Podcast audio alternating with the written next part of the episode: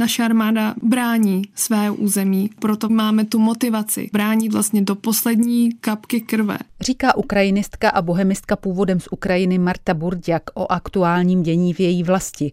Jak připomíná, vliv nadvlád byl na Ukrajině vždy silný a její obyvatelé se mu pokaždé odhodlaně bránili.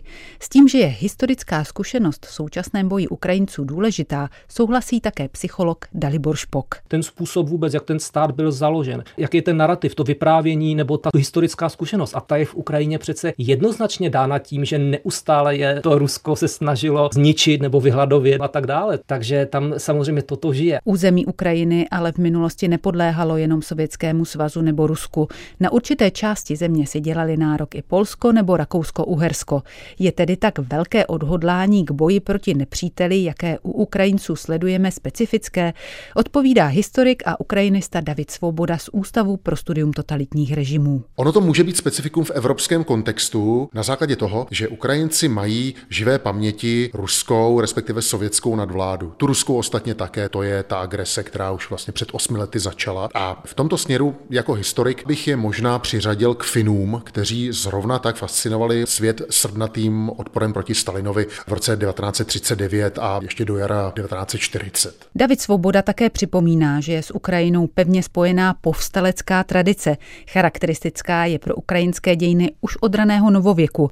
Vlivy nejrůznějších nadvlád byly na Ukrajině vždycky poměrně silné a obyvatelstvo se nechtělo jen tak vzdát a podrobit se. To znamená hluboká tradice určité nezávislosti na státu, zároveň tendence realizovat nějakou sociálně militantní samozprávu, zakládat komunity, to byli ti kozáci, které tedy hrdě existují po svém a čelí vnějším vlivům. No a samozřejmě, že ve 20. století Ukrajinci měli z první ruky hrůzy nacismu, více než z první ruky hrůzy stalinismu a vždy to tam budilo odbojové tendence, které na sebe brali tu gerilovou partizánskou podobu. Kromě historického aspektu je podstatná taky psychologická stránka člověka.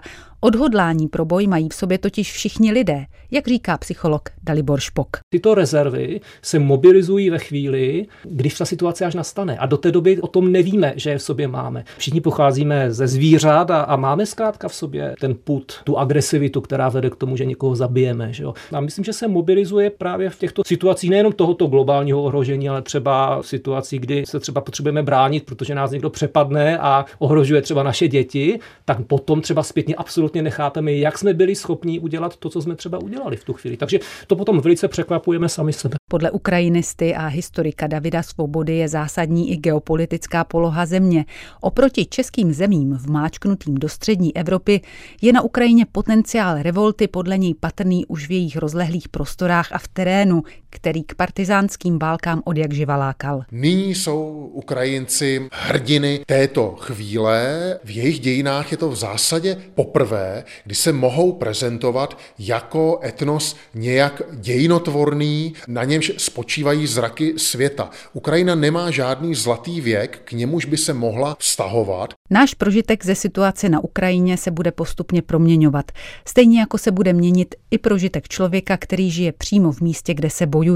Jak dlouho se dá po psychické stránce život v takovém napnutém prostředí vydržet? Dá se to vydržet několik generací. Když se podíváte na palestinské utečenecké tábory, ti už tam jsou v několika generacích mm. bez řešení. Takže jako vydržet se to dá. Ale jak jsou postiženi, to je úplně jiná otázka, no, jsou postiženi obrovským způsobem. Uzavírá psycholog Dalibor Špok a zmínkou o událostech roku 1938 připomíná, že i u nás došlo tehdy k velkému vzedmutí odvahy. Martina Raš, Český rozhlas Plus. Na Ukrajině už dva týdny trvá nejen konvenční, ale taky kybernetická válka. V takovém měřítku se odehrává poprvé a historie zatím nezná ani nebývalé zapojení široké komunity takzvaných etických hackerů, kteří Ukrajině pomáhají s obranou a někteří i s útoky na ruské cíle. Co etický hacking znamená a jak se práce tisíců IT dobrovolníků koordinuje, to už probereme s redaktorem naší vědecké redakce Ondřejem Ševčíkem. Pěkný den. Eh, dobré odpoledne. Hackerů, kteří bojují na straně Ukrajiny, jsou podle všeho stovky tisíc. Eh, na kanálu Telegram těmto dobrovolníkům z celého světa dává ukrajinská vláda úkoly, které můžou plnit. Eh, podle údajů ukrajinského vedení má tento kanál nyní již více než 300 tisíc lidí. Jak popisuje Jiří Dostál z katedry informační bezpečnosti Českého vysokého učení technického, jejich aktuální práce navazuje na standardní metody etického hackování testování, eh, kdy si je najímají různé firmy, aby se snažili napadnout a tím i otestovat jejich sítě. To, co se děje teďka na Ukrajině, tak je to, že Ukrajina se potřebuje bránit v tom kyberprostoru, tomu vojenskému konfliktu. Na druhou stranu ruská strana je eh, oslabená tím, že teda musí útočit, nemůžou se bránit. Čili, jak se říká, nejlepší obrana je útok, tak Ukrajinci se taky snaží samozřejmě zaměstnat toho nepřítele v kyberprostoru tak, aby měl menší kapacity eh, na ty jeho primární kybernetické útoky.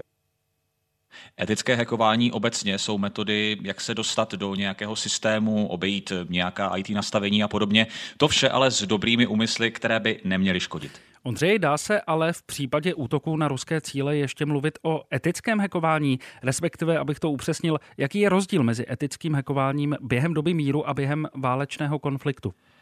Principiálně se to moc neliší. Jediný rozdíl je samozřejmě v těch cílech, na co se hekři zaměřují. V době míru jsou to typicky informační systémy velkých firm nebo státních institucí, hledání slabých míst v různých aplikacích nebo i smart zařízeních a podobně. Co je a co není etické v době války je samozřejmě složitá otázka, ale zásadou komunity etického hackingu je, že by neměli svou prací nikomu ublížit nebo způsobit škodu. Co přesně to znamená v reálích válečného konfliktu, popisuje opři opět Jiří dostal z ČVUT.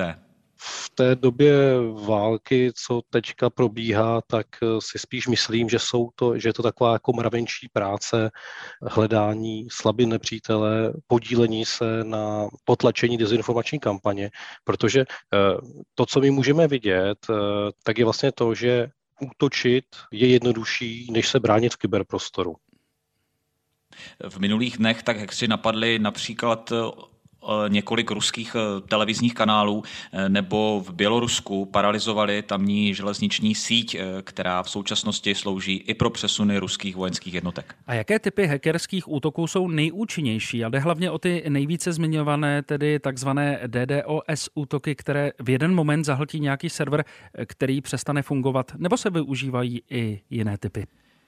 Eh, ano, v praxi se útočníci, ať už jedné, z jedné nebo z druhé strany, samozřejmě snaží udělat co největší efekt s využitím co nejméně prostředků a právě ty zmíněné DDoS útoky jsou v tomhle velice účinné, protože slouží k odstranění nějaké služby, která tím pádem přestane fungovat. Eh, jako součást hybridní války se tak může z provozu rychle vyřadit třeba mobilní síť, internetové bankovnictví nebo nemocnice. Eh, podle odborníka na kybernetickou bezpečnost a taky etického hackera Jiřího Dostála. Rusko ale zatím nejvíce vítězí na poli informační války a v šíření dezinformací. K jejich narušení tak mohou přispět právě i etičtí hekři, ti ale v některých případech nepotřebují nějak složitou techniku. Jo, stačí například, a to může udělat třeba každý, jo, probíhající války ty výzvy na internetu. Podívejte se na Google, na recenze třeba restaurací v Moskvě, v Petrohradu a dejte jim tam do hodnocení, že Rusko napadlo Ukrajinu a dejte tam třeba nějakou fotku z té války a tak dále. Dodal Jiří Dostal z ČVUT. Ondřej, jak by mohlo práci hackerů stížit hypotetické odtržení Ruska od světového internetu?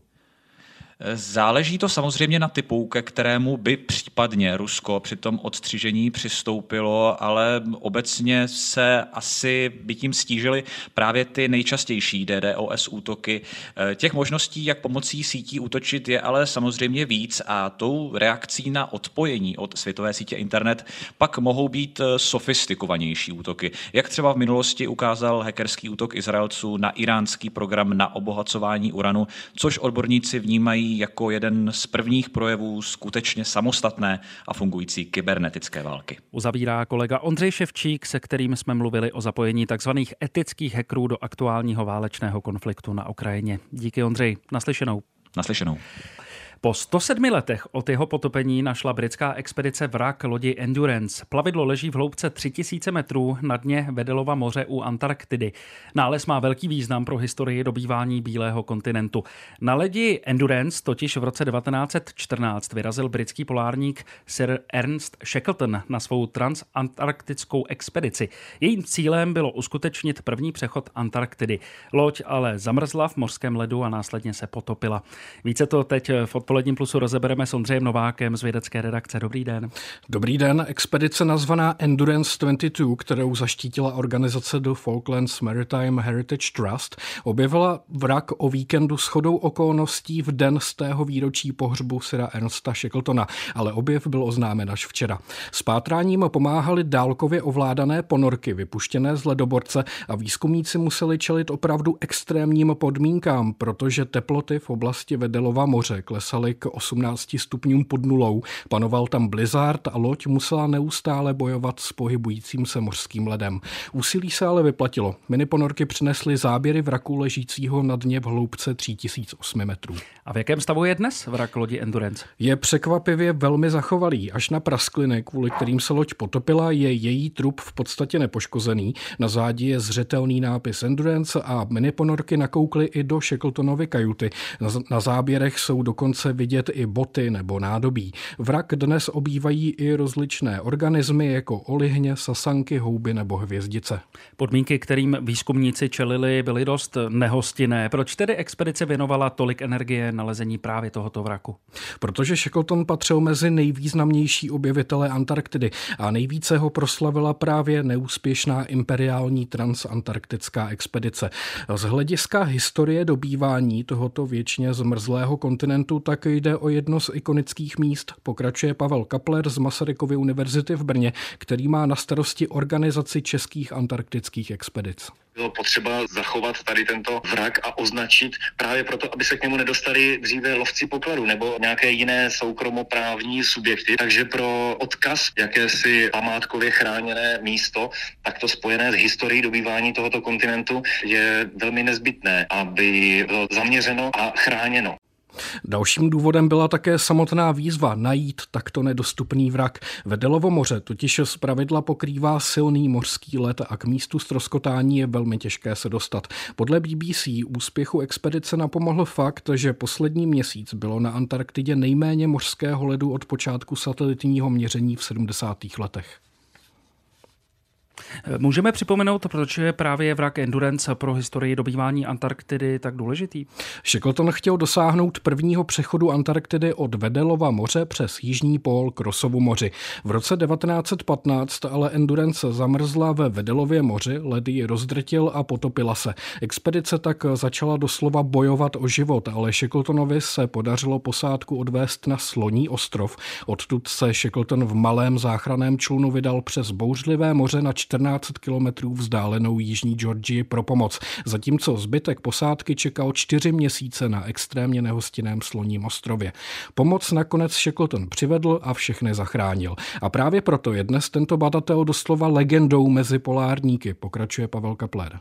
Shacklettonovi na žádné výpravě nezemřel muž, a to dokonce ani na tady té transantarktické výpravě, přestože byla největším selháním, tak eh, zároveň se o ní ze všech Shacklettonových výprav nejvíce mluvilo. Právě proto, že přestože byla odsouzena téměř eh, k jasné smrti všech účastníků, tak skončila největším úspěchem, všichni se vrátili domů živí.